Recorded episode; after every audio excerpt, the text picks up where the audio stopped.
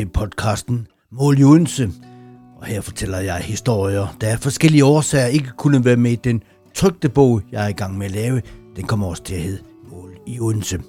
I den her podcast episode fortæller jeg i små sætninger historien om, hvordan det var for mig i hvert tilfælde at være barn i 1960'erne og teenager i 1970'erne. Det er meget korte nedslag, men mange nedslag på, hvordan min verden så ud, set med mine blå øjne, dengang jeg voksede op.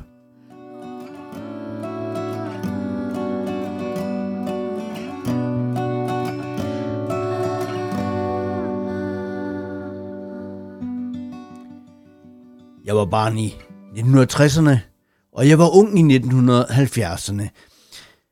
Jeg vil gerne først advare mod, at du lytter videre på den her episode, hvis du føler, at folk på min alder krænker dig, når vi fortæller, hvordan verden så ud, dengang vi var børn, for mange, mange, mange år siden, 50 år siden, 55 år siden.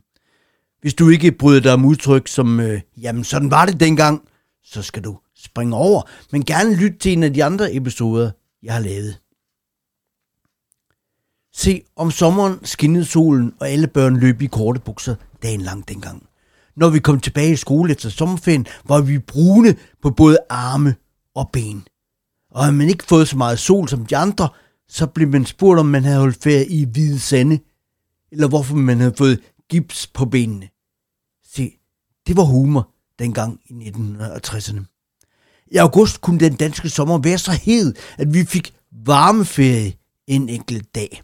Så blev vi sendt hjem igen fra skole, og måtte så håbe på, at mor eller far var hjemme.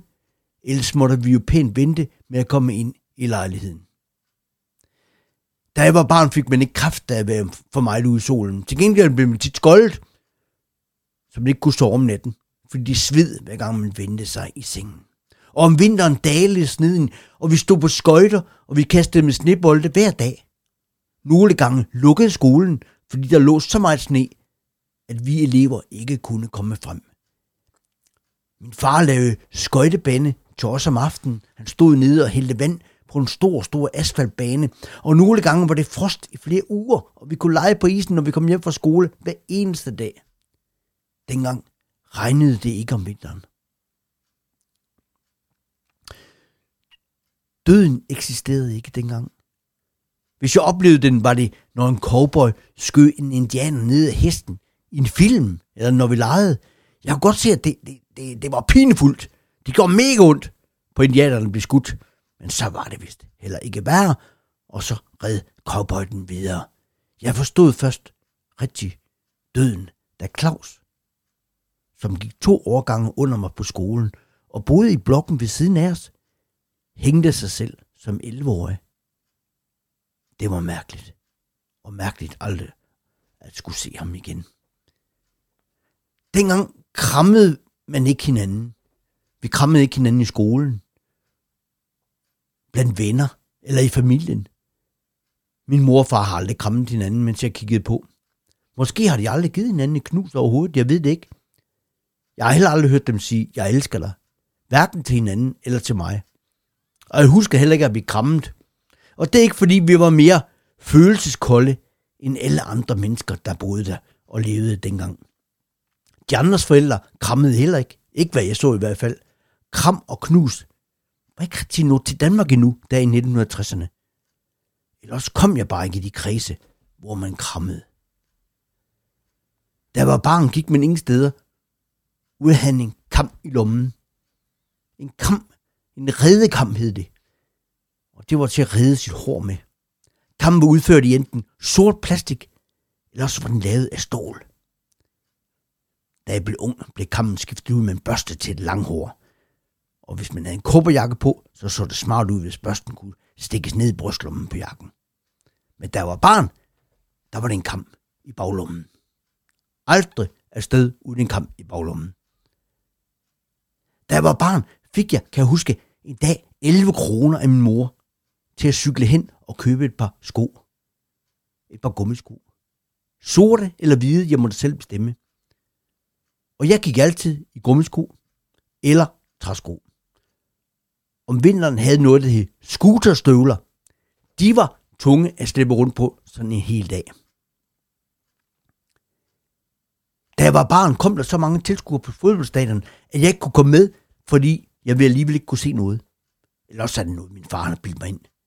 Men jeg tror nok, at fodboldkampen dengang var noget af et tilløbsstykke, og der stod men op hele aftenen. Da jeg var barn, fik vi sko på, og fik i hele taget købt sko, der var et par numre for store. Så vi kunne have dem nogle flere år.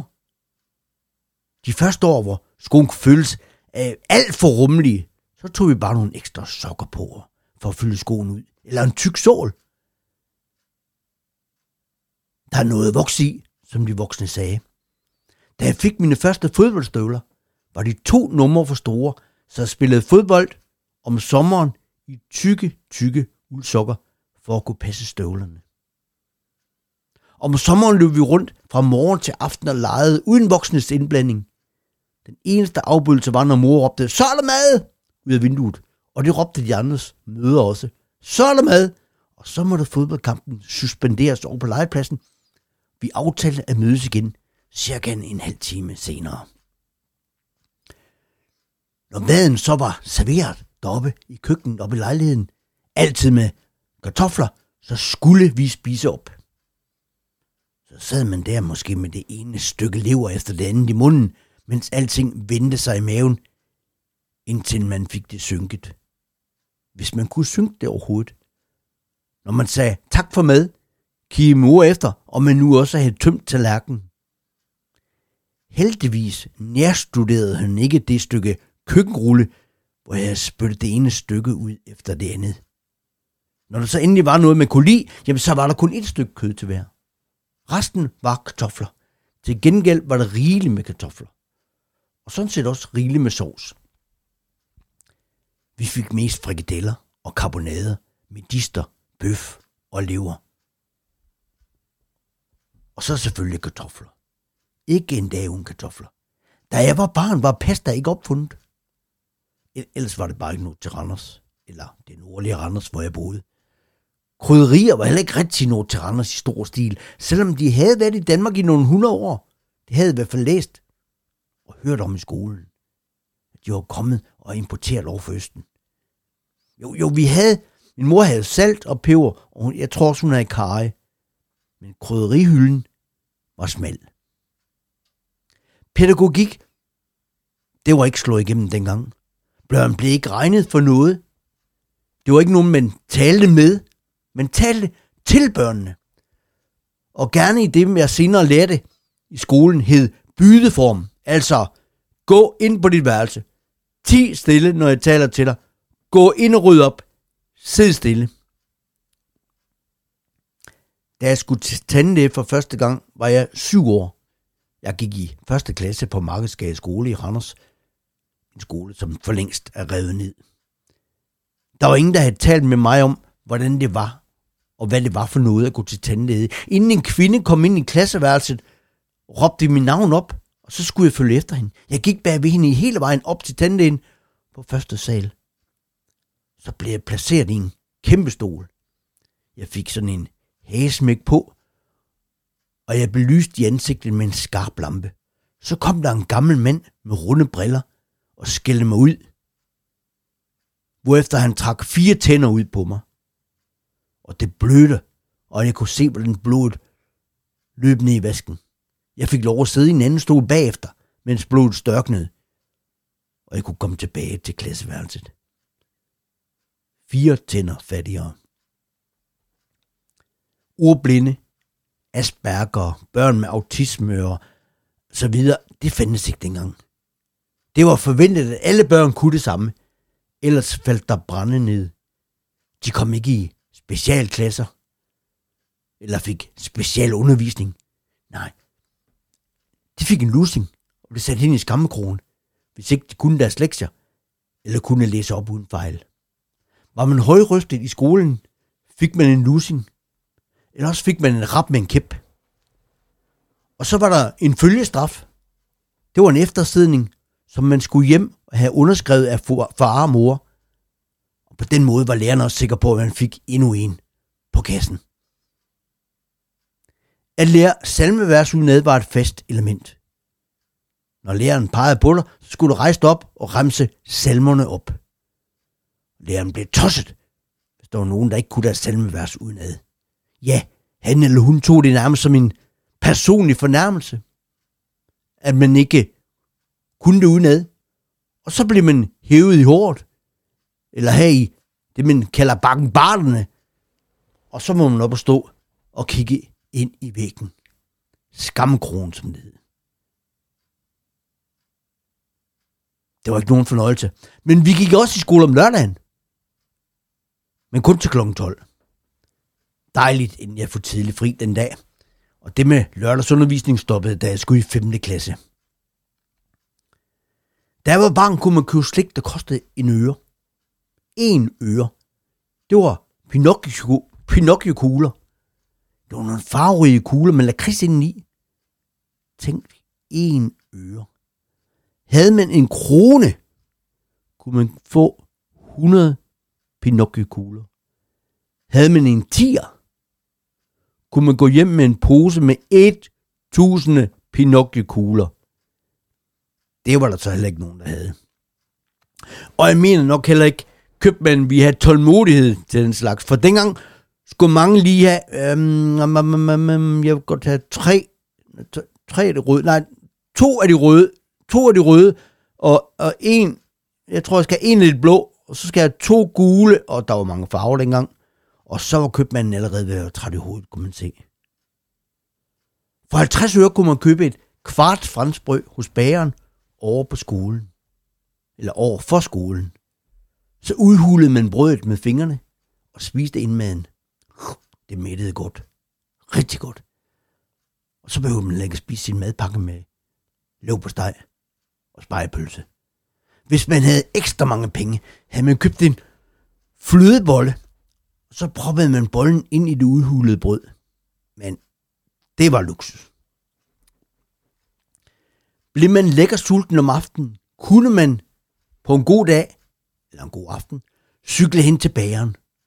Uden for forretningen i en automat, kunne man så få en billig penge trække det, de kaldte gammelt brød. Der lå simpelthen noget gammelt tørt brød, som man kunne få billigere end i udsalgstiden. Der var mange automater dengang. Der var nogle automater, der havde smørbrød. Der var nogen, der havde cigaretter. Eller man trak gammelt brød, som sagt. Andre trak pornoblade. Automater var meget, meget populære dengang.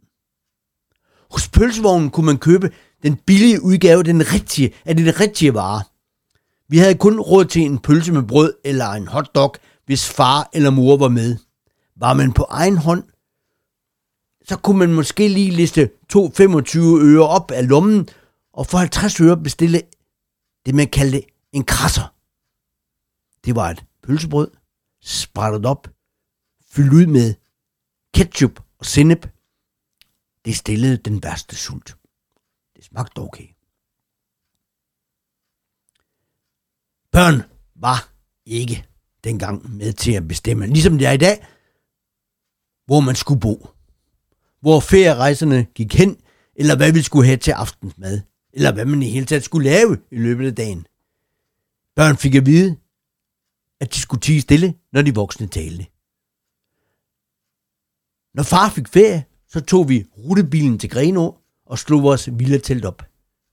Der havde ikke været nogen øh, forudgående familierådslagning om, hvor man kunne byde ind som barn med en, hvad med en skiferie i Norge for eksempel, eller hvad, en tur til New York måske.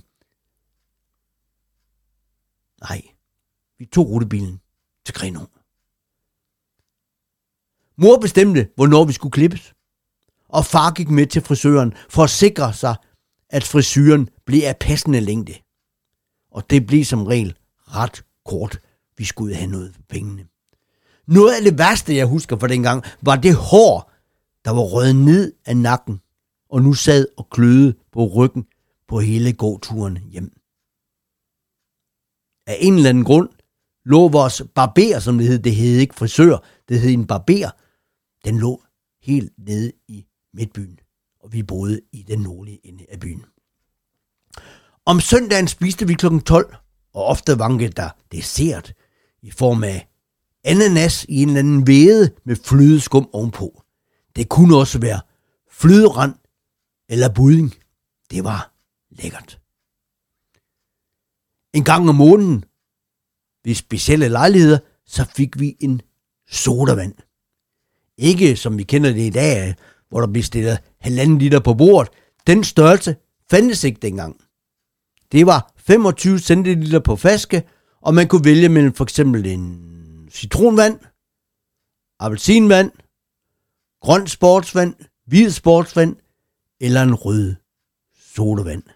Den røde sodavand, den, den var populær ved festlige lejligheder. Fødselsdage, for eksempel børnefødselsdage, så vil mange gerne have en rød sodavand. Sodavanden skulle selvfølgelig deles med andre omkring bordet. Man fik ikke lige sådan 25 cm sodavand alene. Dengang kunne man få ondt i maven, hvis man drak en hel sodavand alene, sagde min mor til mig. Når jeg var til klassefest, 3., 4. 5. klasse, og festen sluttede, nede på min skole, som lå en 2-3 km fra, hvor vi boede, så cyklede jeg selv de kilometer hjem omkring midnat. Det havde ikke nogen telefon, så mor og far anede ikke, hvornår jeg var på vej, og om jeg var på vej. Til gengæld kunne jeg cykle virkelig stærkt, når jeg hørte underlige lyde op for træerne ved vejen. Hvis man blev syg med ondt i maven lørdag eftermiddag, så ringede mor til lægen. Og en times tid sådan cirka senere stod doktoren uden for døren og ringede på, og han stod der med sin store doktortaske i hånden. Og der lå jeg så på sofaen og havde ondt i maven eller inde i min seng. Når han havde lyttet til maven og sagt farvel med et fast håndtryk, fik man det som regel bedre. Og hvis ikke doktorens undersøgelse have hjulpet, så kom mor med en Apollinaris. Det der meget eksotiske navn, Apollinaris, fik mig dengang til at tro, at der var tale om en form for mirakelmedicin. Og jeg fik det faktisk ret hurtigt meget bedre. Jeg var voksen, inden det gik op for mig, at det bare var en sodavand uden smag. Når man kom tilbage i skole efter syv ugers sommerferie, tog man en dyb indånding og genkendte lugten fra den årlige boning af skolens gange og trapper. Hækken var klippet, og man kunne næsten ikke genkende skolen igen. Det var jo lang, lang, lang, lang tid. Det, det føltes som flere år siden, man havde været der. Det var en seks uger. Og så skulle man lige hilse på bedellen, herr Clausen. Han havde en tam krave, der sad på hans skulder. To-tre gange om året delte klasselæreren karakterbøger ud. Havde man gjort det godt i et fag, fik man S. Særdeles godt stod det for. Mens den næstbedste karakter var et M. Meget tilfredsstillende. Det var også okay at få det. T stod for tilfredsstillende. Og derefter kom K for knap så tilfredsstillende.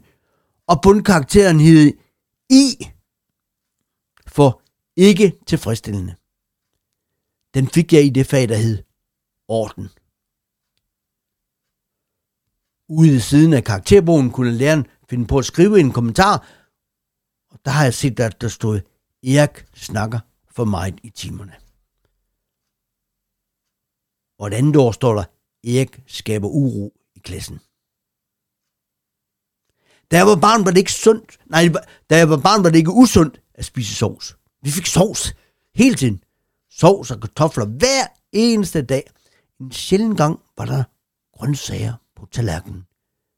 Til gengæld skulle de helst være kogt ud, så de lå på tallerkenen og var faldet fra hinanden. Når jeg kom ned til min mormor, så fik vi en skive rugbrød med ren fedt, som man kunne smøre ud. Det fik vi til frokost, og så var der eftermiddagskaffe. Til eftermiddag fik vi et stykke franskbrød med sukker. Man tog simpelthen sukkerskålen og hældte alt det sukker op, man kunne, og som kunne være på en stykke franskbrød. Alligevel vejede jeg stadig kun 24 kilo, da jeg var 12 år. Jeg må, jeg må have motioneret en del.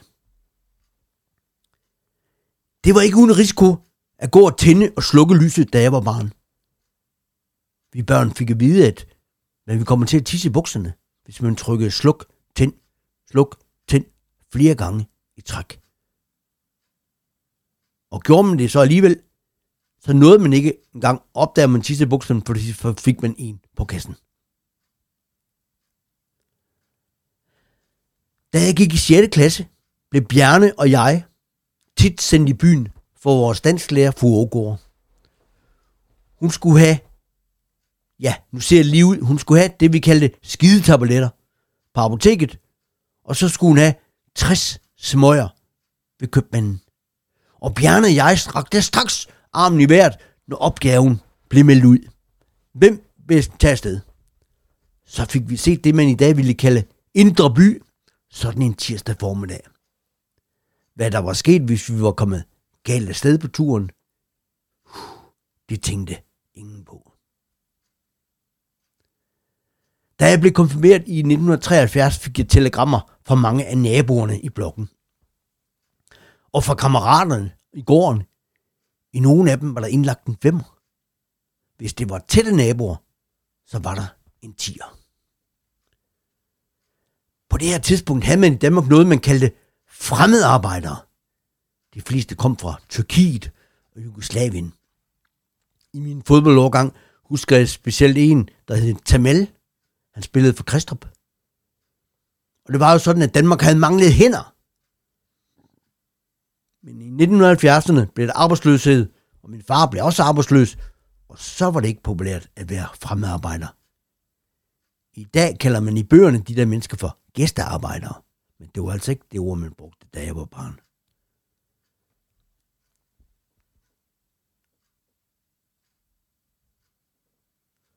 Året efter jeg begyndte i første klasse, afskaffede Folketinget spanskrøret i skolen. Det var ikke alle mine lærere, der havde opdaget, at det var blevet forbudt at benytte sig af det der spanskrør. I det hele taget blev der delt både flade lusninger og ørefiner ud, hvis man ikke kunne sine lekser, eller man snakkede for meget. En gang var vi fem børn fra 5. A, der skulle hente noget til læreren. Vi ville skynde os tilbage til timen, så læreren blev glad. Dengang havde man træsko på i skole, og det har nok runget en del på gangen. Og da kan vi komme tilbage til klassen, smilende og glade, og tilfredse med vores egen indsats, så stillede frøken Sjørvad og så alle sammen fem elever op på række og lange en lussing ud til hver. Det var sidste gang, jeg skyndte mig tilbage i klassen. Da jeg var barn, gik man ikke i bad hver dag. Snart hver lørdag. Men så blev der også helt sæbe i badekart til den store guldmedalje, vi blev skrubbet. Da jeg var barn, havde vi ikke nogen telefon. Hvis vi skulle tale med nogen, så tog vi overtøj på, og så vandrede vi afsted mod den nærmeste telefonboks, gik ind i den, så nummeret op i en af de der store bøger, der var den gule med forretninger, og den hvide med privatnummer. Helst skulle man benytte telefonboksen om aftenen eller i weekenden. Så behøvede, så behøvede man ikke have så mange mønter med i lommen. Det var nemlig halv pris om aftenen og i weekenden. Da jeg var barn, kunne man få en sveder i skolen. Det hed også en eftersidning. Hvis læreren mente, man havde været uvåren, fik man en seddel med hjem, som mor og far skulle skrive under på. Og så skulle jeg ind i de nærmeste dage blive på skolen i en time efter skoletiden.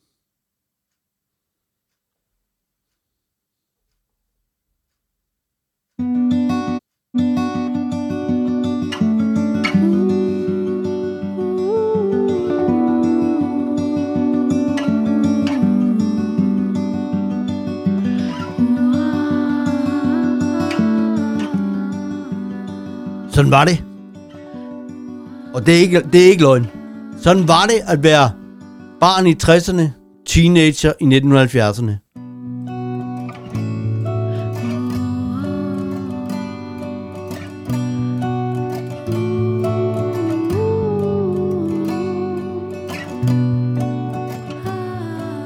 Tak fordi du lyttede med på den her episode af min podcast, der hedder Mål Jonsen. Det er altså en bog, jeg sidder og skriver på, som hedder Mål Jonsen. Men øh, jeg havde skrevet nogle kapitler, som der desværre ikke er blevet plads til, og det er dem, jeg har med her i den her podcast. Jeg håber, du lytter med næste gang også.